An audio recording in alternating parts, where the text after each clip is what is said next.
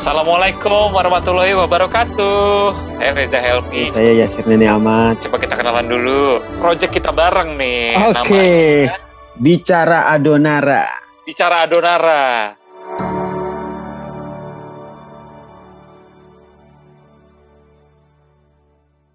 Assalamualaikum warahmatullahi wabarakatuh. Waalaikumsalam warahmatullahi wabarakatuh. Masya Allah, langsung dijawab dong salam gua. Apa kabar? Iya. Reza Helmi di sana. Alhamdulillah baik ya. Kalau hukumnya menjawab salam kan wajib. Betul sekali. Jadi Ah, uh, harus kan langsung. mendoakan juga begitu kan? iya. Iya. Kita Nah, lagi kita- ada di mana nih? Bener, kita di bicara Adonara. Ini minggu lalu seru banget ya obrolan kita soal keikhlasan gitu ya. Iya betul. Mm-mm. Bagaimana Nah, kalau- uh, sebuah gerakan sosial ataupun apa pun yang mau kita lakukan, kebaikan apa pun kita lakukan tuh dasarnya adalah bagaimana keikhlasan itu muncul ya. Keikhlasan itu menjadi salah satu dasar sehingga apa pun yang kita lakukan tuh uh, berdampak atau tidak kitanya itu udah tulus saja gitu. Keikhlasan Hmm. itu kan tidak cuma hanya memberi tapi juga menerima ketika kita diberi cobaan gitu ya kan sama-sama eskov nih ya covid ya kan ketika menerima cobaan ikhlas menjalani insya Allah semuanya lapang gitu bener gak? Betul betul. Sama juga dengan sama juga dengan ini nih ja. Kalau kita berbicara soal ikhlas kemarin kan uh, bagaimana uh, saudara-saudara kita yang ada di Adonara kan mereka juga kemarin tertimpa bencana, mereka juga mau nggak mau ya harus ikhlas dengan apa yang yang menimpa mereka begitu. Walaupun sekarang kondisi mereka masih dalam proses recovery pasca bencana masih tinggal di rumah-rumah hunian sementara begitu tapi mereka kalau yang gue pantau dari teman-teman gue yang lagi lihat kondisi mereka di sana mereka menjalaninya dengan ikhlas begitu. Iya mereka menerima dengan ikhlas tapi kita juga bisa memberi bantuan begitu ya baik melalui doa Betul. dan juga eh, apa pun itu. Karena apalagi sebentar lagi juga hari raya Idul Adha ya kan? Ini memang waktu yang tepat untuk memberi ya gak sih? Apalagi kalau kita setuju setuju banget setuju banget. zaman-zaman sekolah dulu. Coba gue kebetulan sekolah sekolah negeri ya Hmm, jadi kita recall memori. Di sekolah negeri itu pasti ada acara pemotongan hewan kurban. Yang biasanya anak-anak tuh dari SD SMP SMA pasti nontonin. Ya sih? Lu termasuk yang nontonin juga bener bener bener. Eh, nontonin sih. Bahkan gue tuh pengen terlibat gitu lah kalau seandainya eh, motong hewan kurban gitu. Hmm. jadi apa seru dulu aja. Gue bagian yang eh, motong-motongin bag- eh, dagingnya untuk dibungkus-bungkusin gitu seru aja gitu bareng Oh. teman-teman gitu gue melakukan itu sampai waktu kuliah juga masih aktif sih gue kayak jadi panitia Hmm. hewan kurban gitu Maksudnya kalaupun Heeh. kita masih belum diberikan rezeki untuk eh, berkurban, tapi dengan membantu, ini kan sama, insya Allah sama aja pahalanya ya gitu ya. hmm, betul apalagi eh, niat memberinya itu kan yang benar-benar harus kita harus kita dasari bahwa ketika apa pun yang kita lakukan niat memberi kita itu sudah harus menjadi dasar gitu. Jadi kayak lu mau melakukan apa pun kegiatan apa pun eh, niat memberi itu ya harus dijadikan sebagai sesuatu yang eh, dasar dari apa pun yang lo lakukan. Menurut gue sih itu sih gitu. Jadi kayak berkurban nih. Kalau kita ngomongin soal kurban gitu kan? Itu kan biasanya bagaimana kita memberikan kontribusi kan buat Hmm. orang-orang di sekitar kita. Gitu. Kalau seandainya lu ada rezeki berkurban ya alhamdulillah. Tapi kalau seandainya lu nggak ada rezeki berkurban apa yang bisa lu lakukan? Ya menurut gua ya ngegalang. Ngegalang dana ataupun ngegalang orang-orang ataupun ngajak orang-orang untuk berkurban. Gitu. Benar, benar, benar. Nah kalau kita ngomongin pemandangan seperti tadi atau gue recall memori zaman-zaman sekolah dulu, Hmm, kan hmm. Susah ya, udah jarang bahkan eh, beberapa tahun terakhir dari tahun lalu karena ada pandemi begitu ya. Tapi kalau misalnya kita mau berkurban nih, kira-kira disalurin lewat mana sih, Sir? Nah itu dia nih. Sekarang itu lagi ngetren istilah kurban digital. Nah ini yang lagi dimanfaatkan oleh teman-teman Bumi Adonara. Terus itu kerjasama juga sama teman-teman Speak Up Network dan juga beberapa lembaga bahwa yuk meskipun dari jam, di lagi zaman pandemi gitu kan kita tidak bisa menyalurkan kurban kita secara langsung kepada mereka yang membutuhkan. Ada loh namanya kurban digital gitu kan. Kita bisa uh, menyalurkan itu kepada mereka yang membutuhkan jauh di lokasinya yang entah ada di mana salah satunya yang ada di Pulau Adonara itu. Pulau Adonara itu kan berada di daerah Flores Timur Nusa Tenggara Timur. Cukup cukup terpencil. Kemudian di sana juga merupakan kondisi muslimnya minoritas begitu. Sehingga memang uh, bantuan kurban bantuan hewan kurban untuk warga di sana tuh tidak sebanyak uh, di daerah-daerah yang mayoritas Muslim begitu. Apalagi di sana pen, pen, uh, kehidupan ekonominya juga tidak terlalu baik. Bahasa apa, ya menengah rata-rata menengah ke bawah begitu kan. Dengan pekerjaannya hanya sebagai petani nelayan berkebun gitu kan gitu jadi kayak untuk menikmati untuk berkurban aja tuh kayak aduh untuk hidup sehari-hari aja tuh gue repot gitu udah PR hmm. gimana gue menyisikan uh, penghasilan gue untuk berkurban gitu untuk warga di sana. Nah makanya nih harapannya kita bisa ngajak orang-orang yang berada di luar Pulau Adonara yang memang memiliki hmm. kebutuhan eh, kemampuan ekonomi yang baik untuk yuk kurban yuk gitu di Adonara benar. gitu.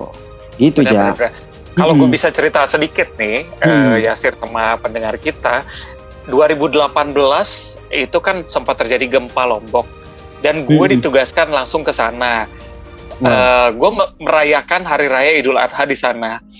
Uh, gimana? Kebayang sedihnya eh, orang-orang masih di tenda-tenda pengungsian, mereka nggak punya rumah gitu ya. Sedangkan uh, di daerah lain orang-orang lagi happy gitu merayakan hari raya Idul Adha. Tapi ya mereka juga ikhlas menerima uh, uh, uh, apa namanya bencana itu ujian yang diberikan sama Allah, tapi mereka juga bisa me, apa ya? bisa merayakan juga karena dapat banyak banget bantuan saat itu Pak Jokowi menyerahkan eh, sapi-sapi besar begitu ya untuk berangkat ke hmm. Lombok. Hmm. Jadi gue ngelihat langsung bagaimana eh, ibu-ibu di sana mereka happy banget nerima apa namanya daging daging sapi terutama gitu ya.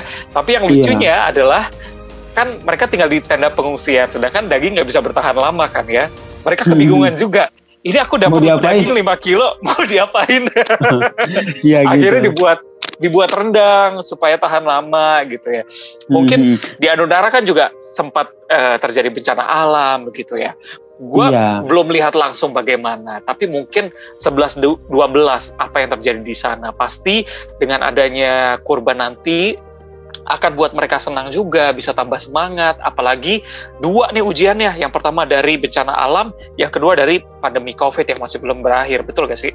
Setuju, setuju banget gue. Makanya ini adalah uh, ini yang bisa ini yang menjadi salah satu motivasi kita semua kita bersama bahwa yuk kita bisa loh ngegalang dana untuk uh, membeli hewan kurban yang ada di untuk warga yang ada di Pulau Adonara begitu. Karena tadi seperti kata lo kan uh, lagi kena pandemi kemudian mereka juga menjadi korban bencana alam begitu. Dan di sana juga muslimnya minoritas sehingga tidak akan banyak kurban di sana begitu. Dan harapannya dan harapannya dengan apa kita ngobrol di bicara Adonara ini pendengar-pendengar kita tuh bisa tergerak hatinya untuk ah gue kayaknya mau kurban aja nih di untuk warga di Adonara gitu. Karena gue percaya banget sih masih banyak orang-orang baik masih banyak orang-orang yang uh, ingin memberi gitu untuk mendapatkan pahala begitu. Apalagi kalau gue sih sempat dengar kalau kita memberi apalagi kalau seandainya di hari raya kurban itu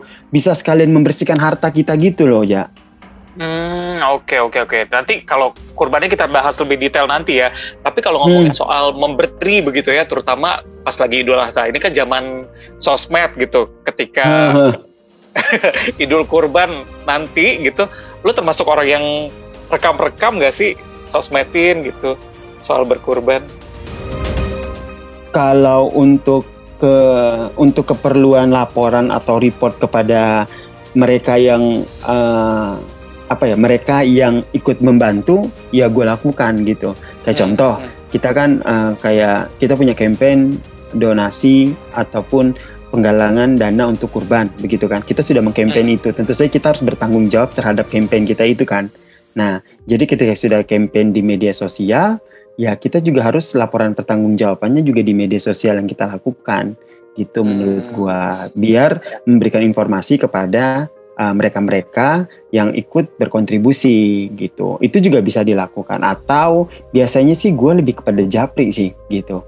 Hmm. jadi kayak kayak si A uh, donasi kurban atau si B ini ikut bantu gitu ya langsung aja lapor kepada yang bersangkutan biar kita menghindari yang namanya ria ataupun uh, show, show off gitu di media sosial. Tapi menurut gue balik lagi lah niat lu itu apa? Kalau niat lu emang memang pengen ngasih tahu ke uh, followers lu ataupun teman-teman lu di media sosial bahwa apa yang mereka titipkan itu sudah lu sampaikan ya lakukan.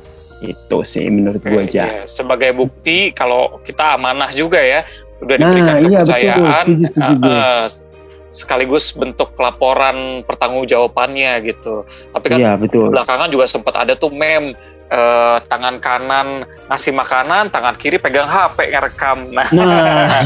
kalau itu jauh, bentuknya ria ya, beda ya berarti ya.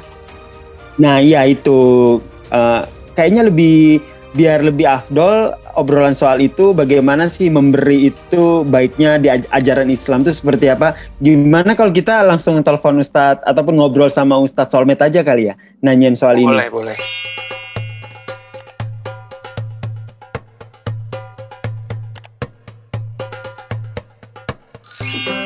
Assalamualaikum warahmatullahi wabarakatuh Assalamualaikum Ustaz. Waalaikumsalam warahmatullahi wabarakatuh. Bung Yasir Nenek Amang dan Bung Reza, Masya Allah. Apa kabar Masya semua? Allah. Sehat? Alhamdulillah, Alhamdulillah sehat. Ini kalau mendengar uh, balasan salam dari Ustaz Salmet ini sangat semangat sekali ya, ya. Semangat banget gitu. Ini luar biasa nih. Ingat program kata positif. hati apa? Iya. Kalam hati. Kalam hati, Ustaz. Masya Allah. Ingat program nah. Kalam Hati nih Bung Yasir. Nah, semoga dipertemukan lagi kita Ustaz. Amin, Ustaz, amin. Nanya dong Ustaz, soal memberi nih kadang-kadang kan uh, kita tuh sulit banget membedakan ketika kita mau memberi tapi hmm, biar di biar terhindar dari ria apalagi kita pengen uh, upload di media sosial begitu Ustaz. Nah, sebenarnya ya. dari Islam sendiri tuh mengajarkan makna memberi itu seperti apa sih Ustaz? Ya, pertama memberi itu banyak banyak hukum ya. Ada yang memberi merupakan sunnah, memberi merupakan kewajiban, memberi merupakan mubah. Sehingga ada beberapa item pemberian itu dalam Islam yang kita ketahui. Misalnya ada infak, ada zakat, ada sodako, ada hibah, ada hadiah. Nah itu semua ada ada hukumnya masing-masing dan itu sifatnya pemberian. Uh, ngomong-ngomong soal memberi, Nah, itu punya punya punya kenikmatan tersendiri. Orang kalau suka memberi itu maka tumbuh rasa cinta dan saling perhatian. Tahadu tahabu kata Nabi. Orang yang selalu memberi maka akan menumbuhkan rasa cinta di hati orang yang diberi. Nah, itu itu salah satu nikmatnya. Nah, hanya saja memang banyak orang yang ketakutan, saking takutnya memberi, eh, saking takutnya ria, akhirnya nggak jadi memberi ini juga perlu diwaspadai ini Bung Yasir dan uh, Bung Reza ya. Jangan sampai ketakutan ria membuat kita akhirnya tidak beramal. Bisa jadi ketakutan itu justru permainan setan itu. Ah, aneh ngasih takut ria. Kalau gitu aneh nggak ngasih dah. Ah itu setan sudah jangan-jangan itu dibikin was-was. Padahal memberi secara terbuka oleh agama dibenarkan. Quran yang bilang memberi sembunyi-sembunyi pun juga dibenarkan. Quran yang bilang kedua-duanya mendapatkan kebaikan dan pahala dari Allah Subhanahu wa taala. Baik itu terang-terangan maupun sembunyi-sembunyi. Nah, itu yang pertama. Yang kedua, bahkan orang-orang yang dirinya selama ini dianggap tokoh, Bung Reza dan Bung Yasir, itu seyogianya ketika memberi memang ditunjukkan. Pertama, oh, dalam ya? rangka menjadi syiar kepada yang lain untuk ikut andil memberi kepada siapa pun yang ada di sekitarnya. Wah, dia aja ngasih, masa kita enggak? Jadi syiar tuh. Bahkan uh, itu bisa menghindari dari fitnah. Wah, itu dia yang kaya aja kagak pernah ngasih, nggak pernah nggak pernah ngundang yatim, ngapain kita? Nah, jadi fitnah. Padahal dia bisa jadi memberi sembunyi-sembunyi, tapi karena terlalu sering sembunyi, akhirnya orang berpikir dia nggak pernah memberi. Nah, justru ulama memberikan saran bahwa kalau dia tokoh, orang yang selama ini dilihat, apalagi menjadi contoh, maka memberi dengan mem, mem, mem, membuat informasi, kalau sekarang mungkin ada medsos, itu jauh lebih utama. Yang penting hatinya ikhlas. Karena ria itu bukan soal bukan soal kelihatan atau tidak kelihatan, Bung Yasir dan Bung Reza. Orang yang ngasih sembunyi-sembunyi, tapi di hatinya bilang gini, kayak gua dong ngasih sembunyi-sembunyi. Jangan kayak dia. Itu malah jadi sombong. Iya, iya. jadi jadi jadi jadi soal ria atau tidak ria itu bukan mhm. soal uh, pemberian kelihatan atau tidak kelihatan. Tidak kelihatan tapi kalau di hatinya ngenyek ngasih kok bilang-bilang kayak gua dong ngasih sembunyi-sembunyi ah itu sombong Berarti nggak apa-apa ya ya kalau seandainya kita mau memberi terus itu uh, memposting di media sosial tapi niat kita untuk untuk siar ajak orang untuk ikut berbagi begitu ya Stad ya. Loh iya dong, harus itu. Hmm. Nah, saya kasih contoh.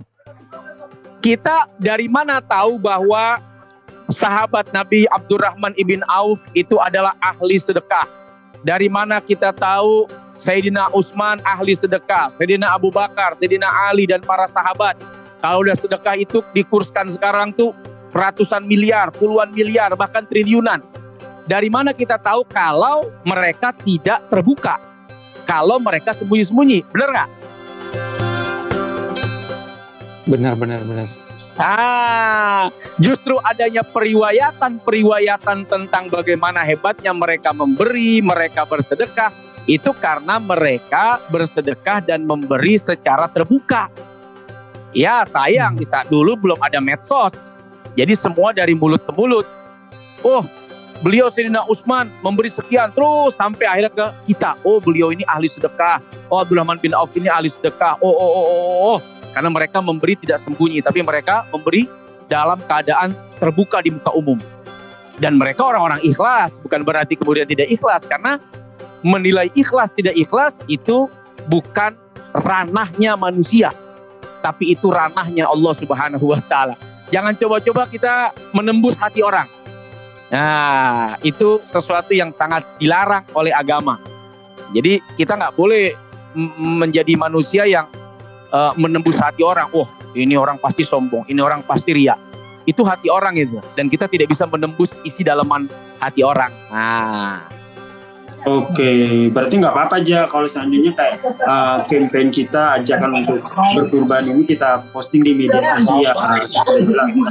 Harus, harus. Bener. Jangan sampai iya. sepi, Bung Yasir. Jangan sampai mentang-mentang pandemi, sepi postingan kebaikan, sepi postingan ajakan berkurban. Yang yang tadinya pengen kurban malah bingung. Ah, mau kurban di mana ya? Bingung. Tapi dengan kita memposting, nah. ah, kita menyediakan tempat buat orang-orang yang punya niat berkurban. Oh, kalau gitu kita ikut ikut ikut kurban lewat yang diposting sama Bung Yasir dan Bung Reza. Ah, alhamdulillah nih buat teman-teman misalnya di Adonara misalnya, mereka betul, yang betul, jauh di timur sana.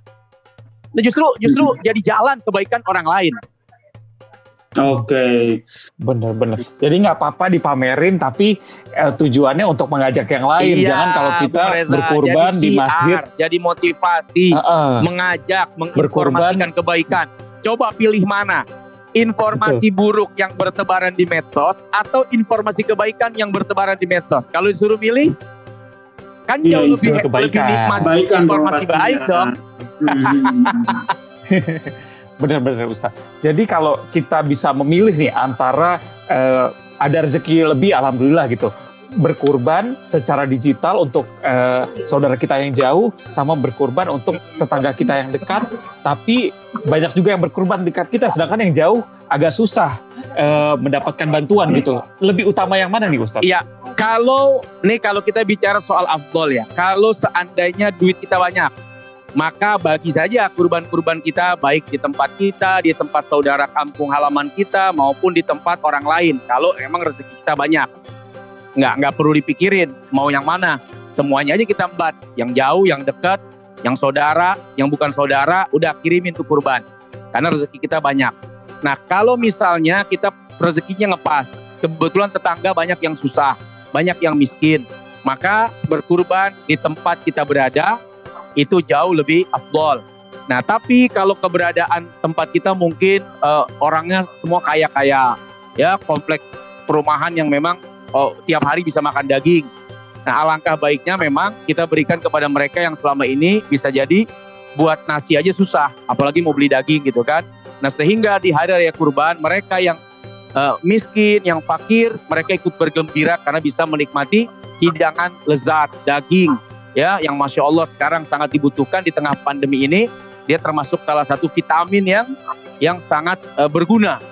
Nah, Uh, nah, Ustaz, kalau berbicara soal kurban di nan jauh dari lokasi kita, soal kur kurban ataupun memberi uh, yang jauh, itu kurban digital itu nggak apa-apa ya, Ustaz ya? Tidak apa-apa, Bung Yasir. Uh, kita tinggal ikut saja berapa harga uh, hewan kurban yang mereka patok. Misalnya harga satu kambing dua juta lima ratus Ya sudah, saya bayar nih 7.500 ya Bung Yasir. Tolong dibelikan kambing atas nama saya, atas nama si Fulan misalnya. Ya, terus kemudian dikurbankan. Nah, itu semua kan amanah yang harus dilaksanakan ya oleh yang menerima. Nah, kita tinggal membayar saja dan meniatkan bahwa ini kita membeli hewan kurban yang kita sembelih misalnya di di Adonara atau di di, di, di mana nun jauh dari penglihatan kita, tapi kita yakin bahwa mereka ini adalah lembaga yang amanah, sahabat yang amanah dalam dalam menjalankan uh, uh, kurban yang kita titipkan.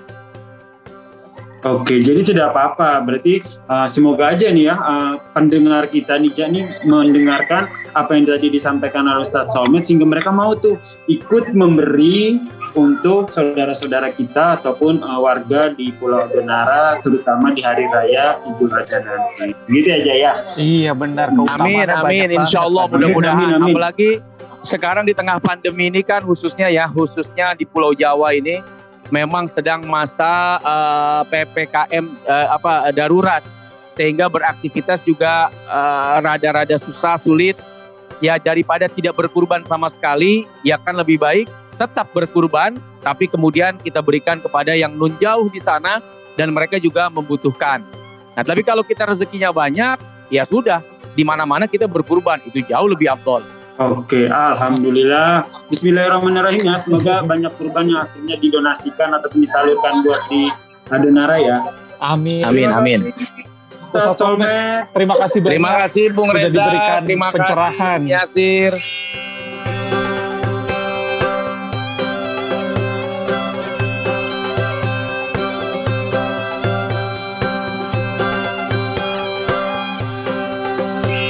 Uh, Yasir, berarti kalau misalnya semua orang suka memberi ini kita nggak ada yang kekurangan justru ya. Betul. Jadi sebenarnya jika semua orang memiliki kesadaran untuk saling berbagi, saling memberi, walaupun hanya sedikit, menurut gue ini menjadi salah satu cara untuk saling berbagi dan tidak ada yang kekurangan sih gitu. Apalagi di momen-momen tertentu ya, kayak momen Idul Adha begitu kan seperti tadi dijelasin oleh Ustadz Solmed juga kan bahwa memang saat uh, momen Idul Adha ini adalah momen yang bisa kita manfaatkan untuk saling berbagi, saling memberi. Apalagi kita yang memiliki uh, kemampuan lebih dibandingkan dengan mereka yang lain begitu. Gue setuju sih gitu ya. Benar-benar. Gue juga dulu hmm. waktu ngaji waktu kecil ya diajarin katanya kalau di dompet lima puluh ribu sama dua puluh ribu terus ada kotak amal justru yang dimasukin yang lima puluh ribunya jangan dua puluh ribunya karena mungkin manusia katanya cuma mengenal delapan arah mata angin tapi Allah punya ribuan cara untuk memberikan rezeki kepada kita ya kan? Masya kan? Allah uh, uh, tanaman aja walaupun nggak bisa bergerak itu dia rezekinya ada untuk berkembang ya kan? Gimana kita manusia? Kalau kita nggak bergerak kalau kita nggak berusaha kalau kita nggak membantu sesama manusia ya mau siapa yang bantu gitu Percaya Setuju banget. Allah yang akan bantu kita. Iya, iya apalagi kan di Al-Quran juga dijelasin kan bahwa ketika lu kasih satu kebaikan Allah akan balas berkali-kali lipat kebaikan yang diberikan itu gitu. Apalagi momen yang kita manfaatkan untuk berbagi ataupun memberi kebaikan kita ini adalah pada saat momen Idul Adha yang memang sebagai umat muslim yang mampu secara ekonomi sebaiknya berkurban, memberi kebaikan melalui hewan kurban yang kita berikan kepada mereka yang membutuhkan gitu ja. Hewan kurban mm -hmm. ya. Ini kan Yoi. lagi pandemi takut gak sih kadang suka ada yang berdekatan ataupun datang langsung untuk milih kambingnya tuh gimana nih? Ada saran nggak kalau lagi pandemi gitu? Sebenarnya kalau lagi pandemi gini saran gua adalah kurban digital ja gitu. Jadi bagi para pendengar kita nih yang masih bingung ketika aduh gua mau kurban kurban gimana ya? Sebenarnya uh, rumah potong hewan kurban sekarang juga sudah uh, sudah apa ya sudah beradaptasi dengan pandemi COVID-19 sehingga mereka juga sudah melakukan berbagai terobosan sehingga yang ingin berkurban itu tidak perlu repot-repot gitu tinggal menyalurkan dananya di rumah pemotongan hewan kurban tersebut nanti akan dipilihkan hewan kurban yang sesuai kemudian nanti akan difotokan dipotong didistribusikan dan insya Allah akan sampai kepada mereka yang membutuhkan begitu. Oke, jadi ibaratnya kalau hmm. dulu kita motong sendiri atau ngasih ke musola ke masjid yang dapat cuma tetangga doang, kalau sekarang bentuknya hmm. digital bisa jauh ya sampai ke pelosok ya. ngebantu saudara kita yang ada di sana yang benar-benar butuh gitu ya. Betul, termasuk di wilayah Pulau Adonara gitu kan. Nih Pulau Adonara ini kan lumayan terpencil tuh di Kabupaten Flores Timur, NTT begitu. Apalagi di sana kan muslimnya minoritas. Jadi memang uh, menurut gua mereka lebih membutuhkan hewan kurban karena uh, menurut gue juga kayak sampai saat ini juga belum banyak juga yang akan berkurban di sana. Apalagi kemarin kan mereka sempat tertimpa bencana begitu sehingga kondisi perekonomian mereka itu sedang terpuruk. Boro-boro mikirin hewan kurban. Ja kayak mikirin buat aduh gue hari ini hidupnya gimana ya? Makannya gimana ya? Tinggal gue masih numpang nih gitu. Rumah gue udah hancur belum gue bangun nih gitu kan. Kerjaan gue apalagi nih mereka tuh fokusnya mikirin itu gitu kan belum belum ya nggak kepikiran juga dapat hewan kurban atau enggak gitu kan jadi kayak ketika uh, kita mengajak uh, pendengar kita, saudara-saudara kita untuk berkurban di sana, tentu ini akan memberikan apa ya dampak yang sangat baik buat mereka karena mereka sangat membutuhkan gitu, Ja. Benar, biar mm -hmm. tambah semangat begitu ya menjalani Yui. kehidupan ini setelah dibantu ya kan lumayan bisa tambah-tambah makan kambing, makan sapi supaya Iyalah. Uh, jadi lebih happy gitu dalam menjalani. Iya, apalagi uh, di sana juga kayak kondisi ekonominya kan juga menengah rata-rata menengah ke bawah begitu kan menengah ke atasnya itu sangat sedikit jadi kayak dalam satu tahun kepikiran beli sapi ataupun beli kambing buat dimakan aja tuh kayak nggak kepikiran gitu. Nunggu ada hajatan nunggu ada pesta baru makan kambing ataupun sapi gitu kan. Nah salah satu yang menurut gue mereka harapkan juga momen Idul Kurban ini tentu saja mereka juga berharap bahwa ada teman-teman baik yang akan uh, berdonasi ataupun akan berkurban di sana gitu. Oke, ya Sir. Jadi hmm. kalau misalnya ada pendengar kita yang tertarik gitu ya, kira-kira bisa hubungi ke mana sih? Bisa banget hubungi di semua media sosial yang telah berkolaborasi dalam program Ayo Berkurban untuk Warga Adonara. Fokusnya adalah untuk warga Muslim dan juga para korban bencana yang terjadi di Pulau Adonara. Bisa kepo-kepoin tuh Instagram dari Bumi Adonara, kemudian Teras Baca Ilenapo, kemudian Speak Up Network, kemudian ada Baba Farm dan juga HPDKI gitu. Jadi nanti dikepoin aja tuh Instagramnya. Insya Allah di sana semua informasi lengkap. Tanya-tanya aja dulu di sana. Nah, kalau seandainya terketuk hatinya untuk berkurban, insya Allah nanti akan sama-sama dibantu untuk menyalurkan kurbannya ke warga Adonara gitu. Bener, Intinya mah cek di Instagram cek Instagramnya ada jelas ya ada semuanya di situ kan ah, kontak person segala macam jadi mau tanya-tanya bisa langsung tanya di komen lewat WhatsApp juga bisa tapi sambil follow juga nggak apa-apa gitu ya. Betul gitu. Uh, dan ya de dengan harapan bahwa para pendengar kita ini juga mau memberi kebaikan untuk warga ataupun warga muslim korban bencana di Pulau Adonara begitu. Dan Amin. tidak hanya mereka bisa memberi berupa kurban itu maksudnya pendengar kita yang lain juga bisa loh me memberi juga caranya itu menyampaikan informasi kita ini kepada orang lain gitu benar repost bisa upload ke ya. story bisa ya kan gratis Betul. kami ya kan lumayan paling enggak alam uh, apa ya amalnya tuh udah dicatat sama malaikat untuk kebaikan ya memberi tapi dalam bentuk informasi gitu. Iya betul. Sehingga setuju setuju banget setuju banget. Nih gue sepakat nih sama lu. Jadi apa ya konsep memberi itu kan luas gitu kan. Konsep memberi kebaikan itu kan luas dan uh, semoga kita semua ini juga bisa memahami itu bahwa tidak semu tidak melulu ketika kita ingin berbuat kebaikan dengan memberi itu dengan memberikan uang dengan memberikan uh, harta benda, tapi dengan memberikan informasi, dengan memberikan sebuah uh, proyek sosial seperti yang sama-sama kita lakuin sekarang, itu juga bisa menjadi sebuah konsep memberi yang insya Allah akan berdampak baik juga buat orang yang menerima apa yang kita berikan gitu ja. Amin. Nah ini kan Amin ya sudah pasti alamin.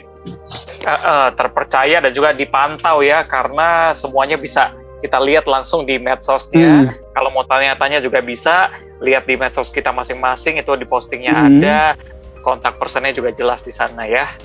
Oke, betul banget gitu. Jadi ayo sama-sama memberi bersama dengan uh, kami di bicara Donara ini. Amin amin ya rabbal alamin. Amin. Nah, kita juga masih akan bicara-bicara tentang topik lainnya, tapi untuk eh, topik memberi ini sepertinya sampai sini dulu ya. Kita pamitan dulu Oke. nih. Saya Helmi pamit. Yasir Nenek Ama juga undur diri. Wassalamualaikum warahmatullahi wabarakatuh. Wabarakatuh.